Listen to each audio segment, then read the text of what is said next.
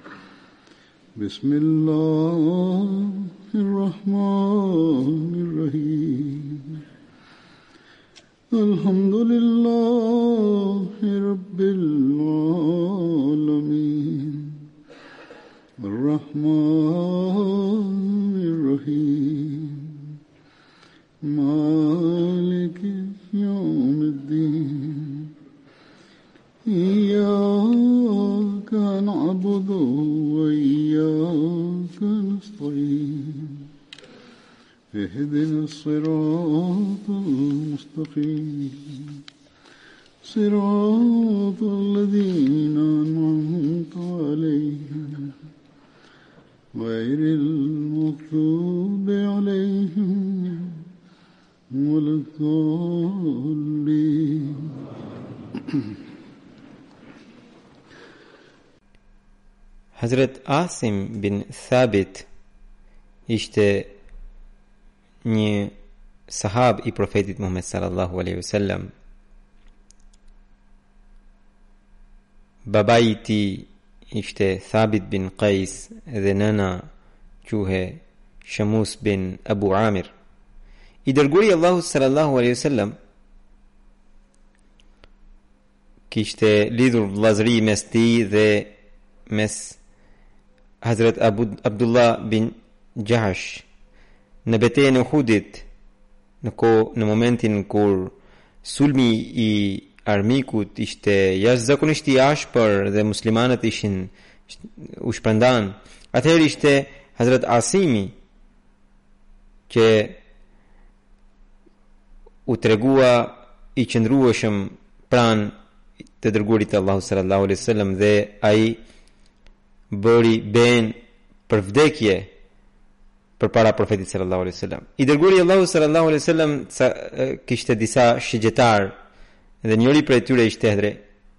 edhe Hazret Asimi. Ai mori pjesë edhe në betejën e Bedrit, vinte nga nga fisi Aus. Në ditën e Bedrit, i dërguari i Allahut sallallahu alaihi wasallam pyeti sahabët që kur të përballeni me armikun, si do të luftoni? Atëherë Hazrat Asimi tha që o i dërguari i Allahut, Kur ushtria kundërshtare do të mbërrijë aq sa ne mund të qëllojmë me shigjetat, do t'i qëllojmë me shigjetat. Kur do të afrohet më shumë dhe ne mund t'i qëllojmë me gurë, do t'i qëllojmë me gurë.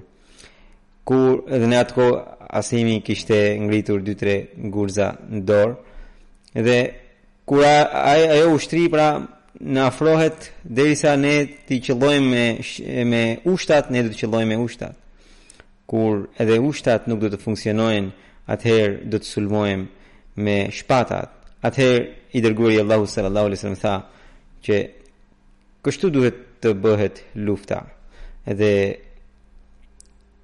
u tha sahabëve që le të bëni betejën, le ta zhvilloni betejën, pra le ta zhvillojnë betejën ashtu siç tha Asimi.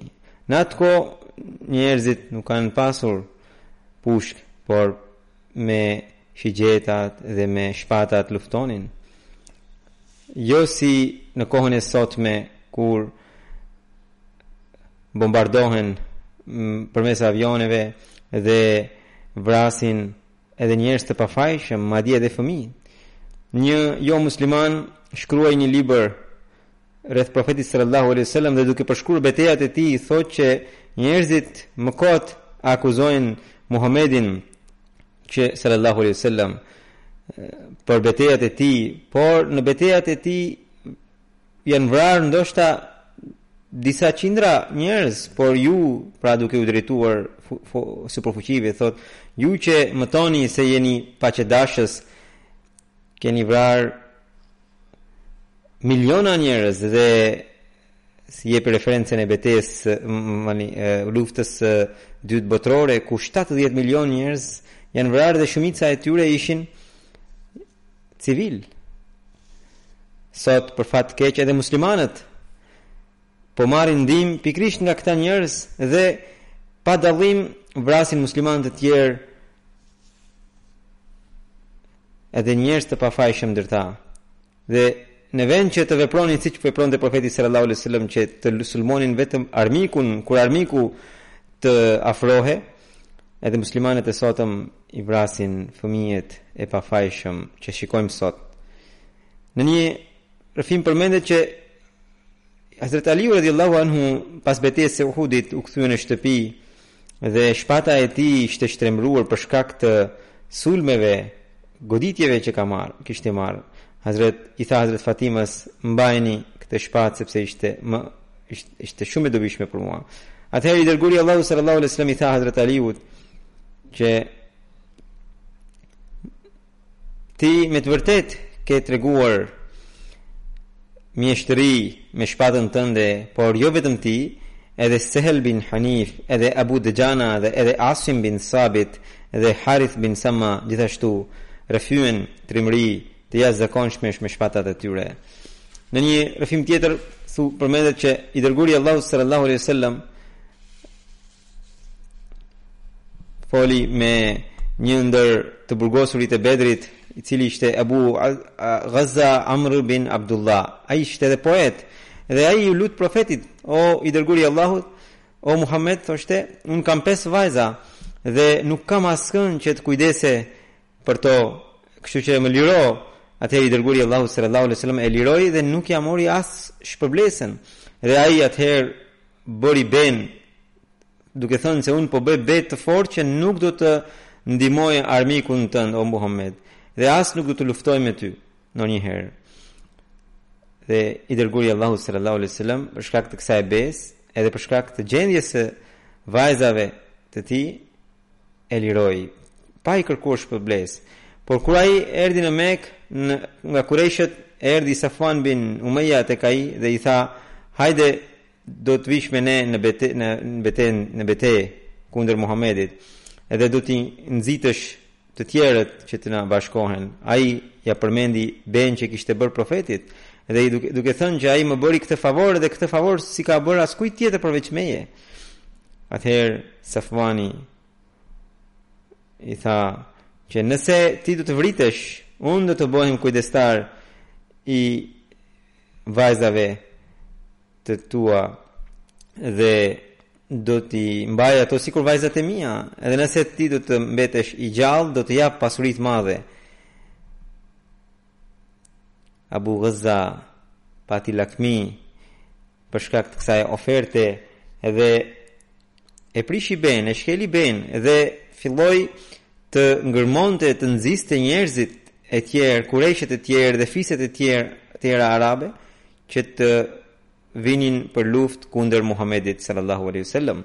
Dhe jo vetëm kaq, por edhe vetë mori pjesë në këtë betejë, pra që ishte beteja e Uhudit. Më pas përsëri ai ra rob dhe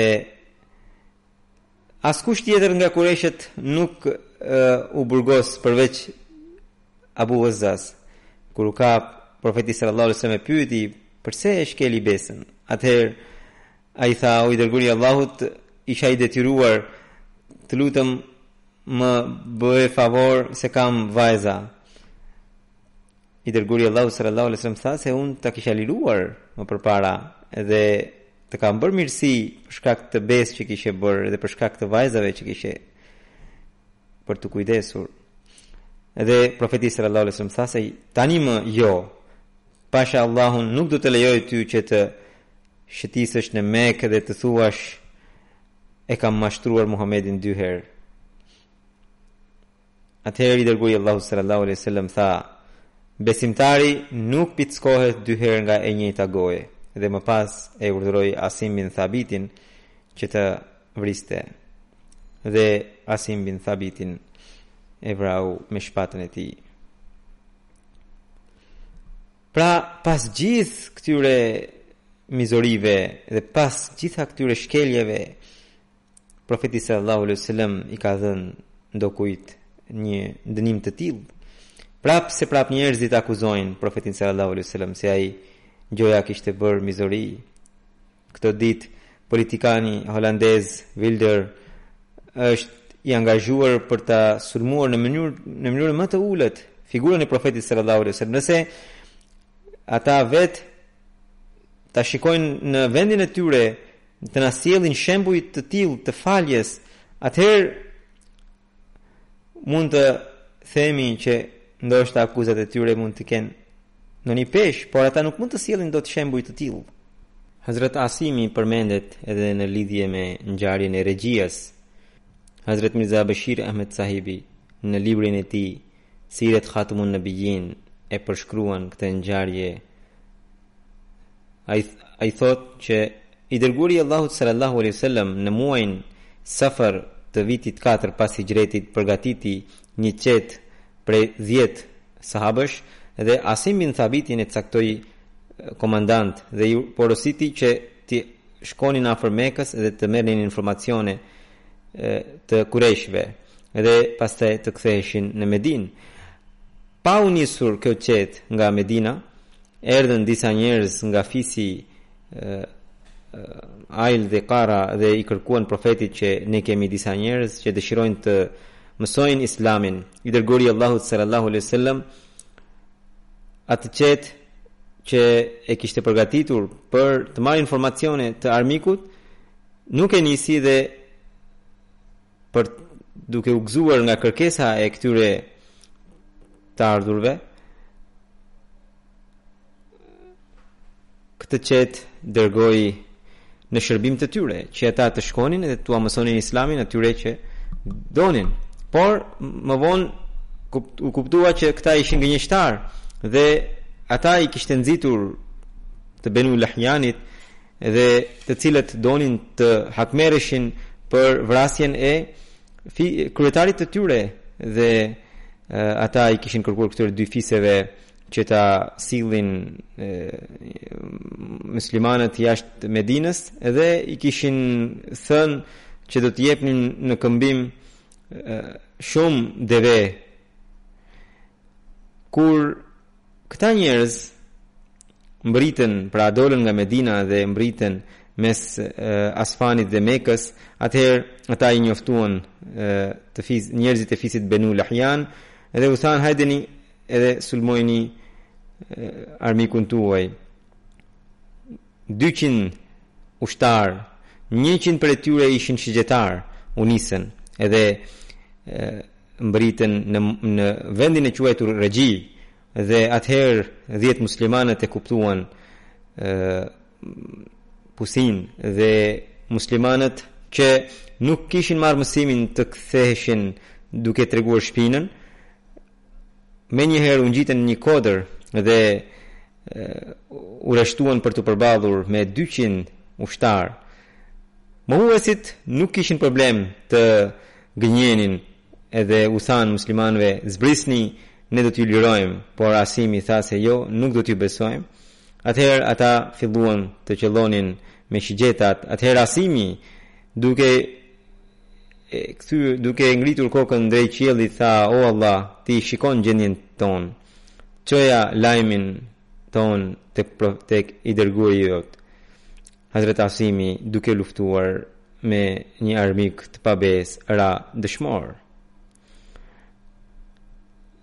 Ai thotë që në lidhje me këtë ngjarje, gjithashtu thuhet që kur kur mekasit morën lajmin që ata që ranë dëshmorë pra nga këta 10 besimtarë muslimanë, njëri ishte pikërisht Asim bin Thabiti dhe ai ishte ai kishte vrarë një kryetar të tyre në betejën e Bedrit.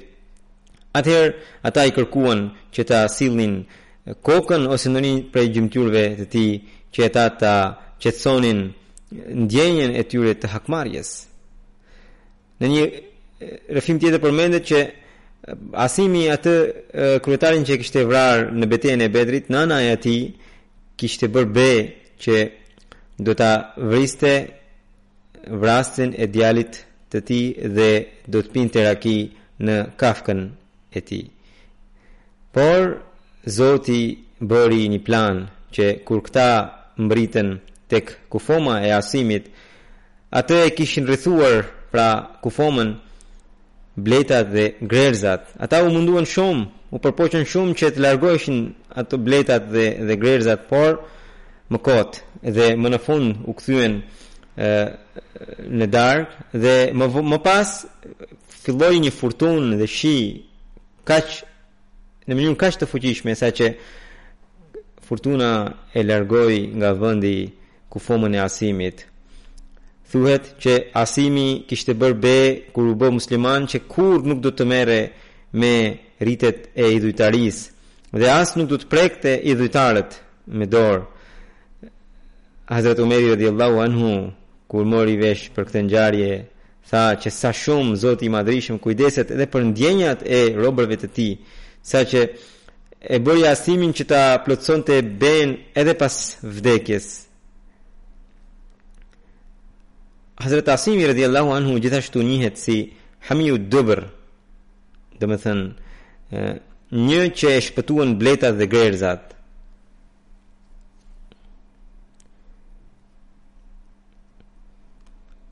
Pra kështu Allahu i madrishëm e shpëtoi kufomën e tij përmes bletave dhe grerzave.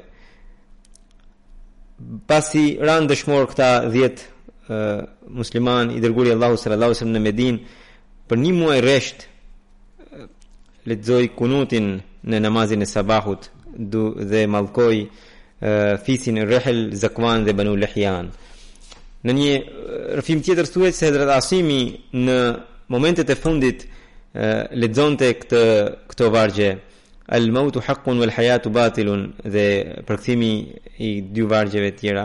Domethënë vdekja është e vërtetë, jeta është e rreme dhe do të bëhet ajo që ka vendosur Zoti për njeriun, ndërsa njeriu është i obliguar ta pranojë vendimin e Zotit.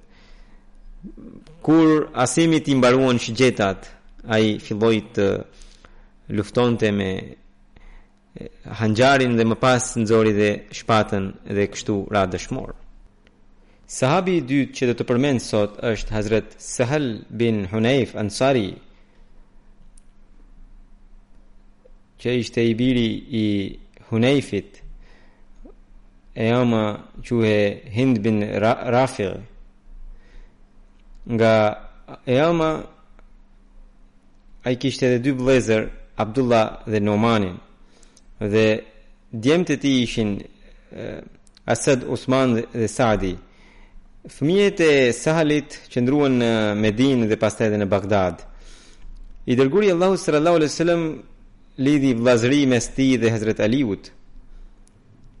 Ai mori pjesë në betejën e Bedrit dhe pas kësaj në të gjitha betejat bashkë me Profetin sallallahu alaihi wasallam.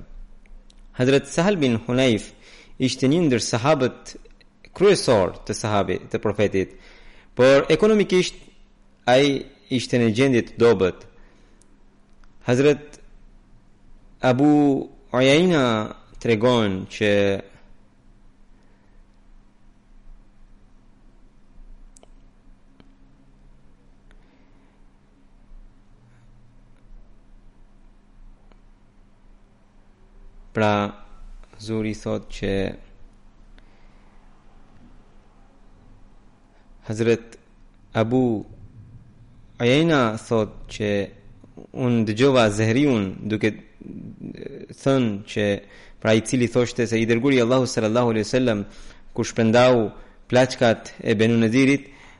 nga ensarët nuk i ka dhënë askujt tjetër përveç Sehelit dhe Abu Duxhana sepse ata ishin shumë të shumë të varfër. Ibn Ishaku thotë që pas mërgimit të profetit sallallahu alaihi wasallam, i dërguari i Allahut sallallahu alaihi wasallam la Hazrat Aliun, i cili qëndroi 3 ditë dhe 3 net për t'u kthyer amanetet njerëzve të cilat i kishin lënë tek profeti sallallahu alaihi wasallam. Më pas i dërguari Hazrat Aliu radhiyallahu anhu Erdhi në Medinë dhe qëndroi në tek tek Kulsum bin Hadamit dhe gjatë udhëtimit ai qëndroi dy net edhe në Kuba. Hazrat Aliu tregon që në Kuba ai pa një grua muslimane që nuk kishte burrë. Dhe unë pashë një një herë që erdhi një njeri dhe trokiti në derë Dhe ajo doli dhe ky njeri, ky burrë i dha disa gjëra asaj gruaje dhe ajo i mori. Unë rashë në dyshim dhe pastaj shkova tek ajo grua dhe e pyeta se kështu kisha parë edhe 2-3 herë. Dhe i thashë se ti je një grua muslimane dhe ti nuk ke burrë, çfarë lidhje ke me atë njeri? Pra çfarë po bën bashkë me atë burrë në kohët e natës? Atëherë ajo grua tha që ai njeri është Sahal bin Hunayfi dhe ai e di që unë jam një grua e vetëm, e kështu që kur perëndon dielli gjatë natës, ai m'i sjell idhujt e njerëzve të tij i thyen edhe m'i sjell këtu në mënyrë që unë pastaj t'i djeg ato dhe Hazrat Ibn Ishaqi thotë që Hazrat Aliu radhiyallahu anhu deri në fund të jetës së Sahal bin Hunayfit e përmendte këtë ngjarje pra duke treguar se çfarë strategjie ai kishte hartuar për ta larguar idhujtarinë nga njerëzit e fisit të tij Hazrat Sahal bin Hunayf ishte një nga ata njerëzit e mëdhenj të cilët u treguan të qëndrueshëm në betejën e Uhudit. Atë ditë ai bëri be përpara Profetit sallallahu alaihi wasallam për vdekje dhe qëndroi si një mburoje përpara tij kur armiku sulmoi fuqimisht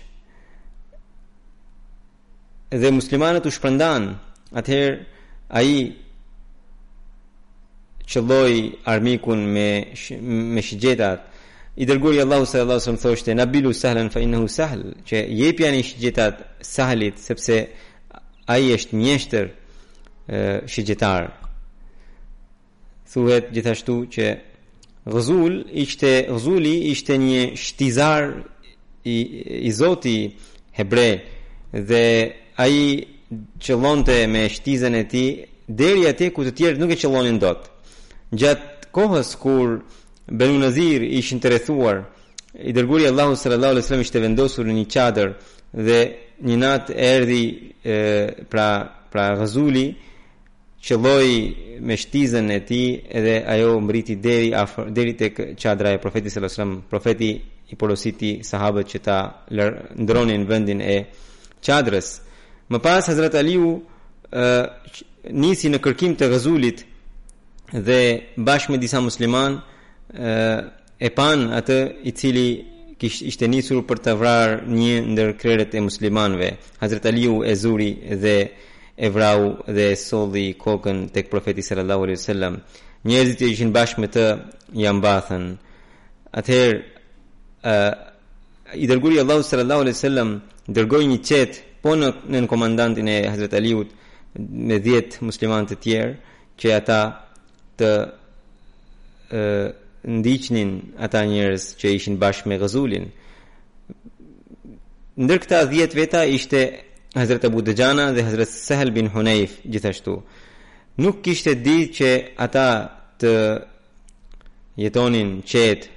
Gjithnjë kishte frikë nga sulmi i armikut dhe siç e thashë Kështu duhej të silleshin edhe muslimanët me një armik të tillë. I dërguari i Allahut sallallahu alaihi wasallam pas e, fi, e, triumfit të Khayberit u nis drejt luginës Qura dhe kur i dërguari i Allahut sallallahu alaihi wasallam mbërriti pra zbarkoi në luginën Qura atëherë fiset hebre hebre i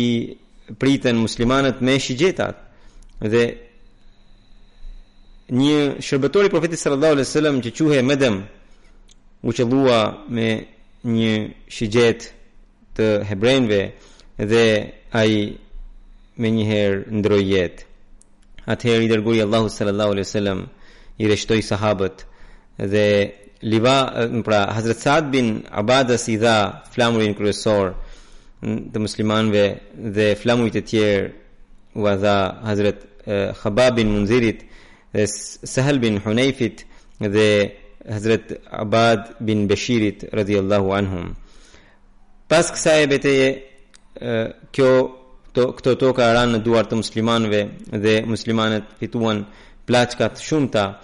I dërguari i Allahut sallallahu alaihi wasallam 4 ditë qëndroi në ato në ato toka dhe plaçkat ua shpërndau sahabëve, por tokat dhe kopshtet i la në duar të hebrenjve. Pra, Por, e megjithatë, vendosi një kujdestar nga ana e tij për ta.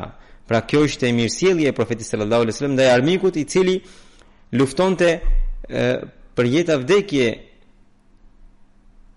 pra i cili luftonte për t'i vrarë muslimanët Sot, më falin në atë kohë, kur bëhe një luftë e tillë, fituesi kishte plotësisht të drejtë t'i merrte edhe tokat dhe gjithçka që zotëronte, por profeti sallallahu alejhi wasallam nuk e bëri kështu. Hazret Mirza Bashir Ahmed Sahibi tregon që kur e, Shami, pra Siria e sotme, ra në duar të muslimanve, dhe aty ishte popullsia e krishterë dhe që ranë në duar të muslimanëve atëherë një herë një sahabi i profetit sallallahu alajhi wasallam ishte pikërisht Sahal bin Hunayf dhe Qais bin Saad Qadisia pra Qais bin Saad ishin në Qadisia dhe po qëndronin diku bashkë me muslimanë të tjerë ndërkohë kaloi xhenazia e një të krishteri Atëherë ata u çuan në këmbë për ta nderuar xhenazen.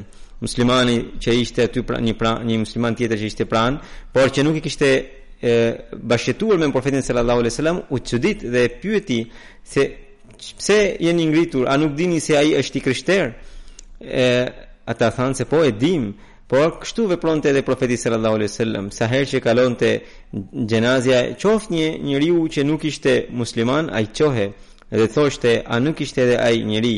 Pra, këto ishin sjelljet e Profetit sallallahu alejhi wasallam për të vendosur vlerat njerëzore. Dhe pikërisht modelin e tij sahabët e ndoqën. Abu Waili tregon që kur ne ishim në vendin e quajtur Safein, Hazrat Sahal bin Hunayf u çua dhe u tha njerëzve: O njerëz, fajësojeni veten, sepse ne kemi qenë në e, ngjarjen e Hudejbias dhe kur shikonim që e, do të përballeshim me armikun dhe patjetër do të luftonim. Në atë kohë Hazrat Umar ibn al-Khattab erdhi tek i dërguari i Allahut sallallahu alaihi wasallam dhe e pyeti: "O i dërguari i Allahut, a nuk kemi të vërtetë?" Po, tha profeti. Po, a mohuesit a nuk janë të në një gjë të pavërtetë? Profeti sallallahu alaihi wasallam tha: "Po." Ë dhe Hazrat Umar i pyeti: "A të rënët tanë nuk janë në xhenet dhe të rënët e tyre nuk janë në xhehenem?" I dërguari i Allahut sallallahu alaihi wasallam gjithashtu tha, përsëri tha: "Po."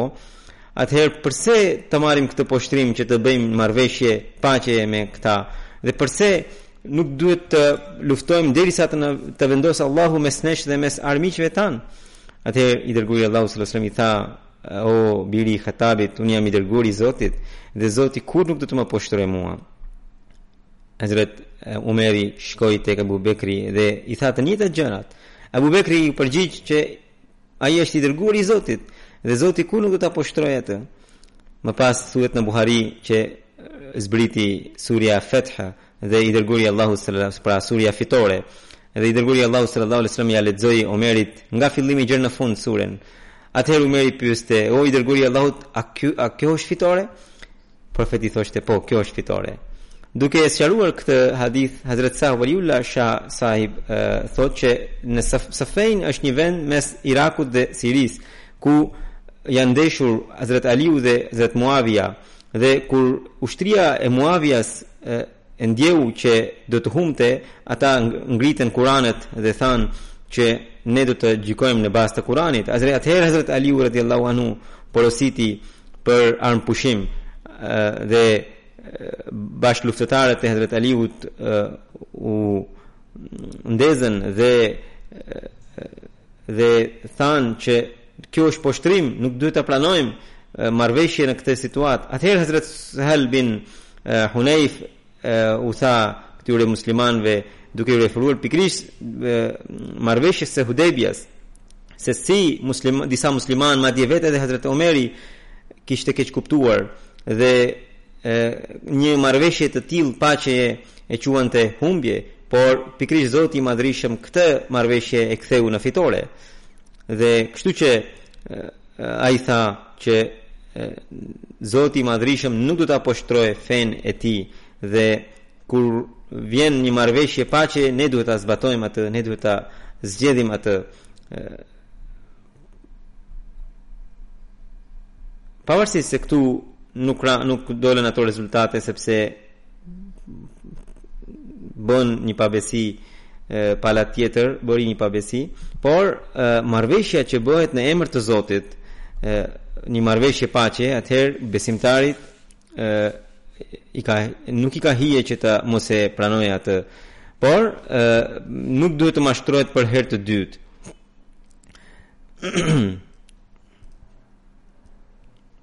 Hazret pra Sahl bin Hunayfi tha që edhe këtë herë duhet të bëjmë marrëveshje siç kemi bërë ne bashkë me profetin sallallahu alaihi wasallam kundrejt mohuesve në Hudaybia. Hazrat Sahl bin Hunayf tregon që i dërguari i Allahut sallallahu alaihi wasallam një herë më tha mua ti do të shkosh si përfaqësuesi im në Mekë, thuaju selam atyre dhe thuaju që i dërguari i Allahut ju jep tre porosi. Së pari, mos u betoni për etrit tuaj. Pra, është mëkat. Dhe kur të uleni kur të uleni për të kryer nevojën, mos u ulni me kokën nga Qabja e as me shpinën nga ajo. Dhe së treti, mos e pastroni e, vetën pas nevojave fiziologjike me kockë ose me bajgë, sepse këto janë gjëra shumë të dëmshme dhe kanë bakterie dhe mund të infektohen njerëzit. Në këtë kohë kemi ë letrat e tualetit, ujin që përdorim, por në atë kohë njerëzit përdornin pikërisht këto gjëra që sapo përmendëm. Siç thashë edhe më përpara në lidhje me Hazrat Aliun, i cili kur u kthye nga beteja e Uhudit kishte shpatën të shtrembëruar për shkak të goditjeve të shumta dhe e, i dërguari i Allahut sallallahu alaihi wasallam e kishte përgëzuar Hazrat Aliun dhe kishte përgëzuar gjithashtu Hazrat Sahal bin Hunayfin dhe Hazrat Asim bin Thabitin. Kur Hazrat Aliu radhiyallahu anhu u bë kalif dhe njerëzit i bënë bejt në dorë të tij, atëherë Hazret Sahl bin Hunayf gjithashtu e pranoi atë si kalif dhe bëri bejt në dorën e tij. Hazret Aliu radhiyallahu anhu kur u nis për në Basra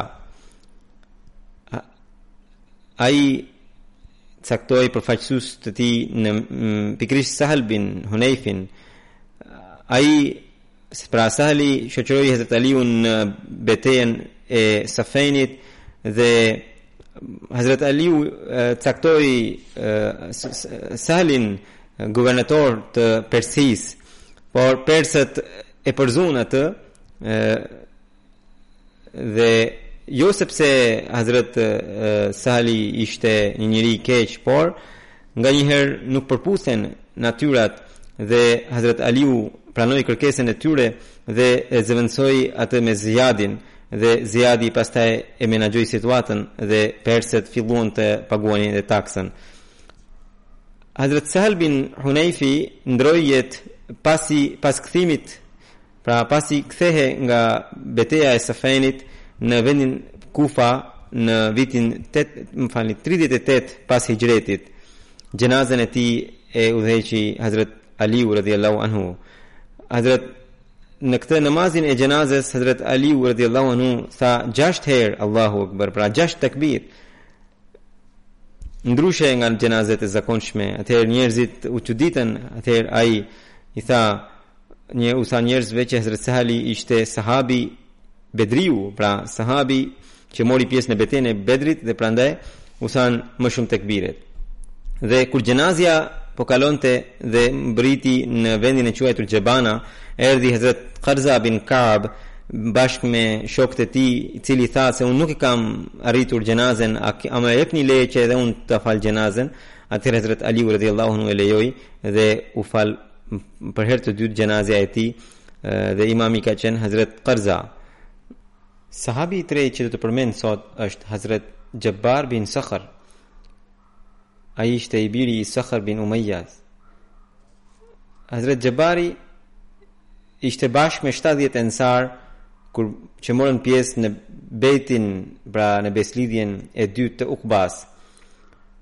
Profeti sallallahu alaihi wasallam i lidhi besëlidhje me të dhe me Miqdad bin Amrin. Në bete- gjatë kohës së betejës së Bedrit ai ishte 30 32 vjeç dhe ai ishte një bujk shumë i mirë dhe profeti sallallahu alaihi wasallam e dërgonte në Khaybar që të bënte llogari të mbjelljes dhe të vjel, vjeljes të hurmave. Ai ndërroi jetë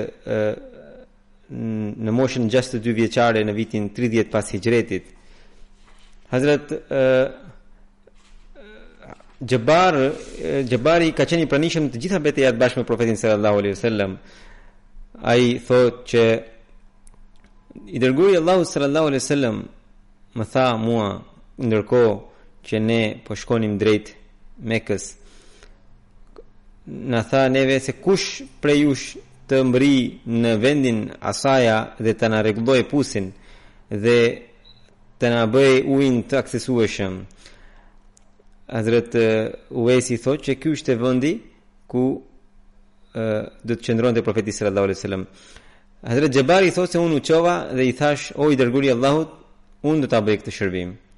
Ai tha, po, shko dhe mbërri te Asaja dhe rregulloje pusin që gjendet aty. Shkova dhe e rregullova dhe më pas mua më zuri gjumi nga lodhja dhe askush nuk më ngriti nga gjumi përveç atij i cili të cilit po i vraponte deveja dhe ai Mezi po e ndalonte devenë që deveja të mos shkonte te pusi. Ndërkohë, ai njeri erdhi dhe e pashë që ai ishte pikërisht i dërguari i Allahut sallallahu alaihi wasallam. Ai më tha Xhebar, i thashë po o i dërguar. Ë pra i dërguari i Allahut e uli devenë e vendosi atje dhe i tha Xhebarit, hajde me enën e ujit. I dërguari i Allahut sallallahu alaihi wasallam mori abdes në mënyrë shumë të mirë. Edhe unë mora abdes bashkë me të me ujin e atij pusi. U, u çua për namaz, edhe unë qëndrova për namaz, namazin nafil dhe qëndrova në krah të majtë.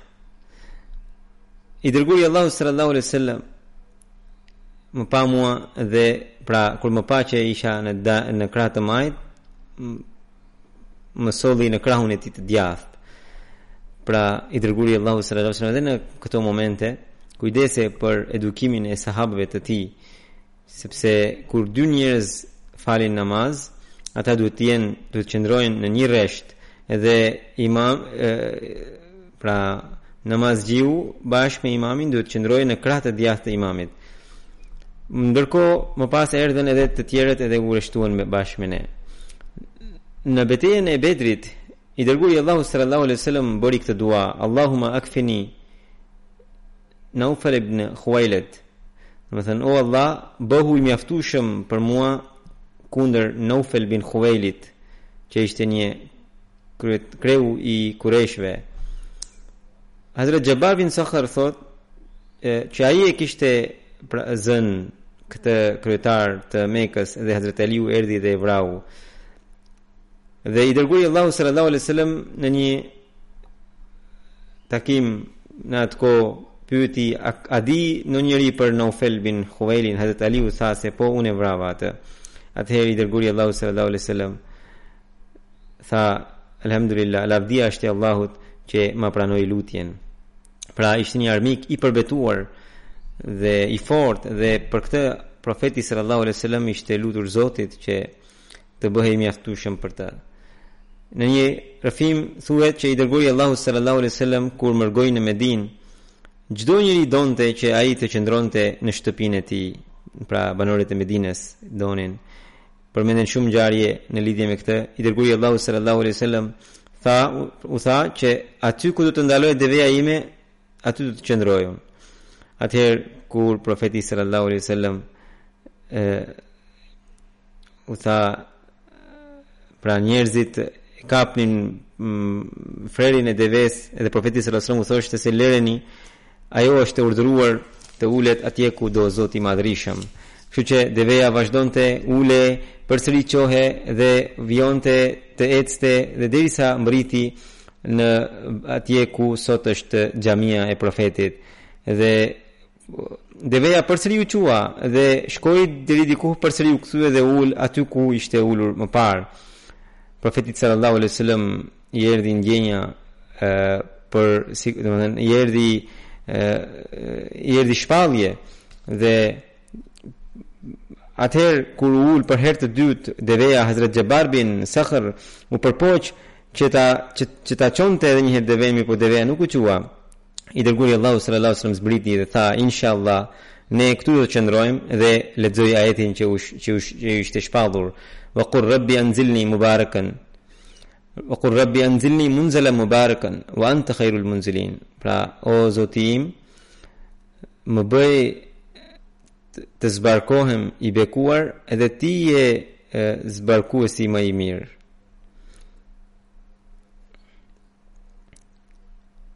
Atëherë Profeti sallallahu alejhi wasallam pyeti, kush e ka shtëpinë më afër nga këtu? Hazrat Abu Ayyub Ansari i tha, unë e kam o i dërguari i Allahut, ja ku është dera ime. Ai Hazrat Abu Ayyubi i rregulloi samarin e deves dhe e, i dërguari i Allahut sallallahu alejhi wasallam i tha Abu Ayyubit, bëni përgatitje për qëndrimin tim dhe profeti sallallahu alajhi wasallam më pas qëndroi në shtëpinë e tij. Shas bin Qais ka qenë një i moshuar dhe mohues i ashpër dhe njeri i përbetuar kundër muslimanëve. Ishte një armik i rreptë kundër muslimanëve. Dhe ai kaloi pranë një mbledhje të muslimanëve ku muslimanët po kuvendonin dhe kur ai pa që muslimanët po bashkëjetonin me një dashuri kaq të madhe, me një paqe kaq të fortë dhe vllazëri kaq të fuqishme, ata muslimanë të më për, të cilët më përpara po luftonin me njëri tjetrin për të vrarë njëri tjetrin. Pra, Për shkak të Islamit ata u vëllazëruan, u dashuruan, u bën u bën bashkë me njëri tjetrin. Dhe kjo i shtoi shumë në urrejtje dhe në zemrim. Sesi Islami ua ktheu gjendjen, Shas bin Qajsi aty tha që derisa krerët e fisit Benu Qila Janë bashkë ne nuk duhet të rrimë qetë si mundet që këta që kanë qenë armiq të njëri tjetrit të dy fise sot të jetojnë me vllazëri me emrin e islamit atëherë ata dërguan pra ai dhe bashkëmendimtarët e tij dërguan një hebre i cili u ul pranë muslimanëve dhe filloi t'i ngërmon t'i ngërmonte, t'i nxiste dhe recitoi ato vargjet ata ata ato fise recitonin kundër njëri tjetrit për në në kohën e injorancës. Atëherë këta muslimanë u nxitën dhe njëri prej tyre plotësoi vargjet e tjera, pra të cilat ata këndonin në kohën kur luftonin me njëri tjetrin. Muslimanët të dyja palëve, të dyja fiseve u nxitën. Të gjithë filluan të Pra, ishte një moment kur ata po bisedonin me dashuri dhe me paqe, dhe erdhi një moment që filluan të flisnin në të njëjtin kuvend, filluan të flisnin për krenarinë e njëri e, e, e secilit. Deri derisa Hazrat Aus bin Qazi dhe Hazrat Jabbar bin Sakhr u ngritën dhe u ndeshën me njëri tjetrin dhe thanë, nëse doni që tani vendosim kohën dhe vendin ku do të luftojmë atëherë i dërguari i Allahut sallallahu alaihi dikush e njoftoi menjëherë të dërguarin e Allahut sallallahu alaihi wasallam dhe ai menjëherë erdhi te këta dy fise pra Aus dhe Khazraj bashkë me të ishin edhe muhaxhirin muhaxhirinët atëherë i dërguari i Allahut sallallahu alaihi wasallam u tha o grupi i muslimanëve kini takvan e Allahut kini takvan e Allahut A do të ktheheni përsëri në kohën e injorancës e në momentin kur ende jam në mes jush? Edhe pse Zoti i Madhërishem ju ka sjellë udhëzim dhe ju ka larguar injorancën dhe ju ka bërë bashkë, ju ka dhënë dashuri, A dëshironi të ktheheni edhe njëherë në injorancë si më parë? Sahabët e kuptuan menjëherë që kjo ka qenë një intrigë e djallit dhe kurth e armikut. Ata ë lëshuan armët e tyre dhe filluan të qanin dhe shumë nga muslimanët ata përqafuan njëri tjetrin. I dërguari i Allahut sallallahu alaihi wasallam i porositi për bindjen, për nënshtrimin dhe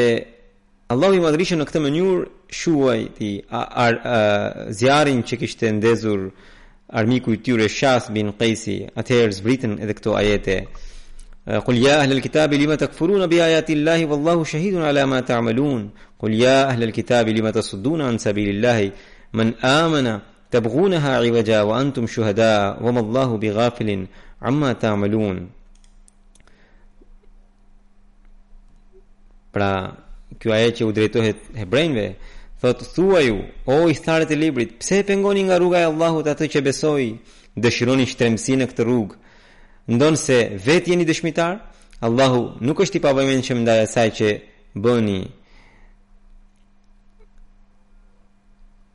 Pra, dhe Hazret Aus bin Qejzi dhe Hazret Jabbar bin Sakhr që ishin gati të luftojnë me njëri tjetrin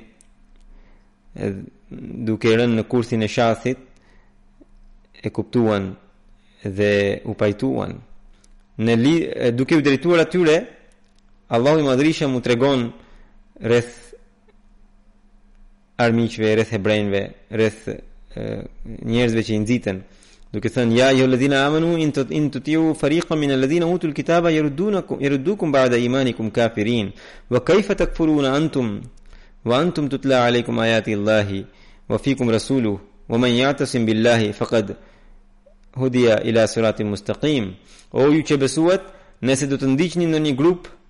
prej atyre që u është dhënë libri, ata do t'ju kthejnë në mohues, edhe pse keni pranuar besimin. E si mund të mohoni kurse juve ju lexohen ajetet e Allahut dhe keni të dërguarin e tij në mes jush? Ai që e kap fuqimisht Allahun, sigurisht që është i udhëzuar në rrugë të drejtë. Pra, përfundon eh, ajeti i eh, Kuranit. Kështu që sahabët në një moment ranë në kurthin e djallit, por kur profeti sallallahu alaihi wasallam u tërhoqi vërejtjen dhe vëmendjen, ata menjëherë e kuptuan dhe u penduan dhe menjëherë morën nismën për të vendosur paqe, për të krijuar dashuri, për të vendosur vëllazëri. Këto janë pra modelet e sahabëve, këta janë shembujt e tyre. Sot, njerëzit që grinden me njëri-tjetrin për gjëra nga më të voglat, për ta, këta janë modele, këto janë modele. Nëse këta sahabë që ishin të etur për gjakun e njëri-tjetrit, u bënë vëllezër, sot Njerëzit që thonë të njëjtën kredo, pra shahadet, që janë brenda një xhamati të vetëm, pse të rrinë larg me njëri-tjetrin për shkak të egove të tyre? Ka grindje që më vijnë çështjet e të rinjtë e tyre më thu, më shkruajnë që ne duam të bashkohemi disa fise pra, e, por të vjetrit tanë nuk na lejojnë Sepse na thonë që nuk mund të pajtohem me filanin, pra njerëzit e tillë duhet ta marrin mësim nga shembulli i sahabëve. Allahu i Madhërishëm ka dhënë mësimin e vëllazërisë, të dashurisë dhe të bashkimit. Ne na bëri një popull të bashkuar dhe ne duhet të jemi të tillë. Dhe nuk duhet të kthehemi në egon tonë, Allahu u dhëntë mend të gjithëve. Një rrëfim tjetër që e, vjen Hazret Omeri radhiyallahu anhu kur i dëboi hebrenjtë nga Hajberi, atëherë vetë shkoi bashkë me Ansar dhe Muhaxhirinët, ndër ta ishte edhe Jabbar bin Sakhr dhe Yazid bin Thabit, Këta të dy të fundit caktoi për të përllogaritur mm, mbjelljen dhe vjeljen e hurmave në Hajber dhe pikërisht këta pastaj e ndanin pjesën për të dyja palët siç ishte caktuar këta janë pra ishin disa sahabë që kam përmendur Allahu ua ngrittë nivelet në xhenet